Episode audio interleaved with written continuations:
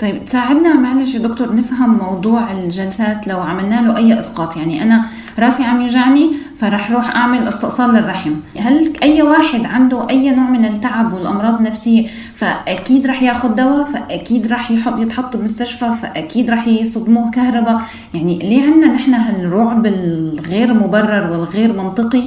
من مجرد اكتئاب أو من حدث فقد حد عزيز أو صدمة أو تعب معين دائما بننط لصدمة الكهرباء. ما بعرف كيف في طريقة يمكن نقدر نفهمها أكثر هي الأمور بتبتدي ب... إحنا زي ما حضرتك قلتي كده إحنا بننط على طول للأمر ده. هي الأمور بتبتدي بنوع من الصدمات الحياتية البسيطة أو نوع من التأثيرات البسيطة على حياة البني آدم اللي بيواجهها. إحنا أجسامنا مجهزة ومهيئة للتكيف. بمعنى إنه لما بيحصل ضغط نفسي علينا عندنا استعداد إن إحنا نتكيف مع أي ضغط وعندنا استعداد إن إحنا نستقبل الحزن ونتعامل معاه الصدمة ونتعامل معاها الألم ونتعامل معاه. لحد معين إحنا بنبقى قادرين نتعامل مع صدمات الحياة المختلفة. لكن بيجي وقت يحصل مثلا إنه تتابع كثيف للصدمات وبيحصل عدم قدرة على التعامل الجيد معاها. زي بالظبط لما أنا جسمي يقدر مثلا إنه يتعامل مع سكريات بهذا المقدار أو دهون بهذا المقدار لكن بيحصل في مرات أكل بصورة مش مظبوطة في حلويات كتير أو دهون كتير بعدها يحصل إن شراييني تتسد يحصل إن يجيني مرض السكر لأن جسمي مش قادر يتعامل مع هذه الأمور. نقدر نقيس كده في الضغوط النفسية.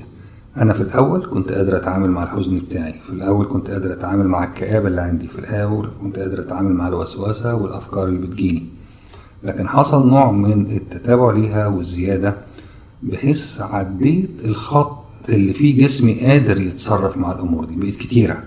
خلاص هو مش قادر. الأجهزة المختلفة بتاعت جسمي اللي فيها نواقل معينة وفيها كيمياء معينة بتمتص الكلام ده بقت مش ملاحقة عليه.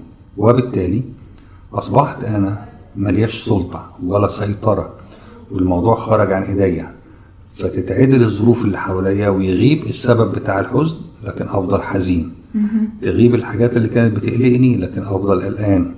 تغيب الأمور اللي كانت بتخليني أفكر كتير لكن يفضل التفكير موجود. يبتدوا الناس اللي حواليا يطمنوني إن مفيش حاجة وحشة هتحصل في الدنيا لكن يفضل ذهني متشبث إن في حاجة وحشة هتحصل. حاجات كتيرة بقى خرجت عن السيطرة في اللحظة دي. بقى جسمي هو اللي بيمشيني مش دماغي. عشان كده لما بنروح للدكتور إحنا بنبقى محتاجين للطبيب النفسي. بعد ما بنحكي معاه هو بيقدر إن هو يوزن الأمور. بيفاضل بين حاجتين. لو أنا عندي بصيرة بالأمور اللي عندي وعندي قدرة على التعامل معاها والأمر اللي عندي لا يعدو سوى ما يسمى بالعصاب أي الأمور اللي فيها قلق زيادة ويبقى في نوع من المشورة وإعادة تقييم الأمور وعلاج معرفي ونقدر إن إحنا نتعامل مع كل اللي تعبنا ونغير وجهة نظرنا. خلاص خير وبركة. إذا ما قدرتش أعمل كده وعديت الخط الفاصل وجسمي مش متجاوب خلاص يبقى ده ميعاد الأدوية ده ميعاد العلاج. هضطر آخد علشان خاطر أسيطر على الإلحاح المستمر لجسمي في فكرة إن أنا مش قادر أفهم بالظبط البيئة اللي أنا موجود فيها. حاسس بالتوجس المستمر حاسس بالضيق المستمر حاسس بأحاسيس مش موجودة. فلازم جسمي يبتدي يرد على هذه الأحاسيس. بعد فترة من العلاجات ممكن يكون الجسم بتاعي مش قادر يستفيد أو مش قادر يتجاوب أو مش قادر يتحسن بهذه الأمور. فبنلجأ لجلسات الكهرباء. جلسات الكهرباء كل اللي بتعمله إن هي بتعرض الجسم لكهرباء صغيرة جدا. علشان تعمل نوع من الريست أو نوع من ضبط كل الكيمياء بتاعة الدماغ وترجعها لمعدلاتها تاني. لأن اللي بيبقى موجود جوه الجسم في وقتها نوع من الاختلال في كل الكيمياء الموجودة. كل دي حاجات بتبقى محسوبة ومعروفة ومعدة ومتجربة. وناس كتير عدوا بيها من الناحية دي ووصلوا الناحية التانية وخفوا وكانت النتيجة بتاعتهم مرضية جدا. لكن زي ما بقول لحضرتك إن الثقافة والوصمة بتعطل المسار ده في مرات كتيرة بتخلي الناس تبطل في النص. بيحصل إن في مرات تانية بيبقى في أمور بتقاوم العلاج.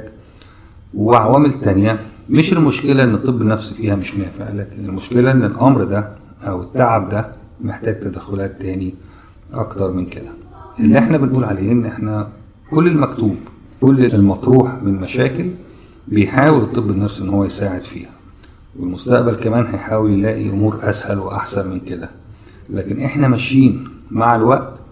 الجزء اللي بيتكلم فيه عن تأثير الجسم على الأمراض النفسية وبالتالي هيبقى في مساحة أكبر للتدخلات اللي تخلي كل ما الجسم يبقى مرتاح كل ما الخلايا العصبية تبقى مرتاحة كل ما هنحصل على نتائج أفضل للأفكار بتاعتنا وللمزاج بتاعنا.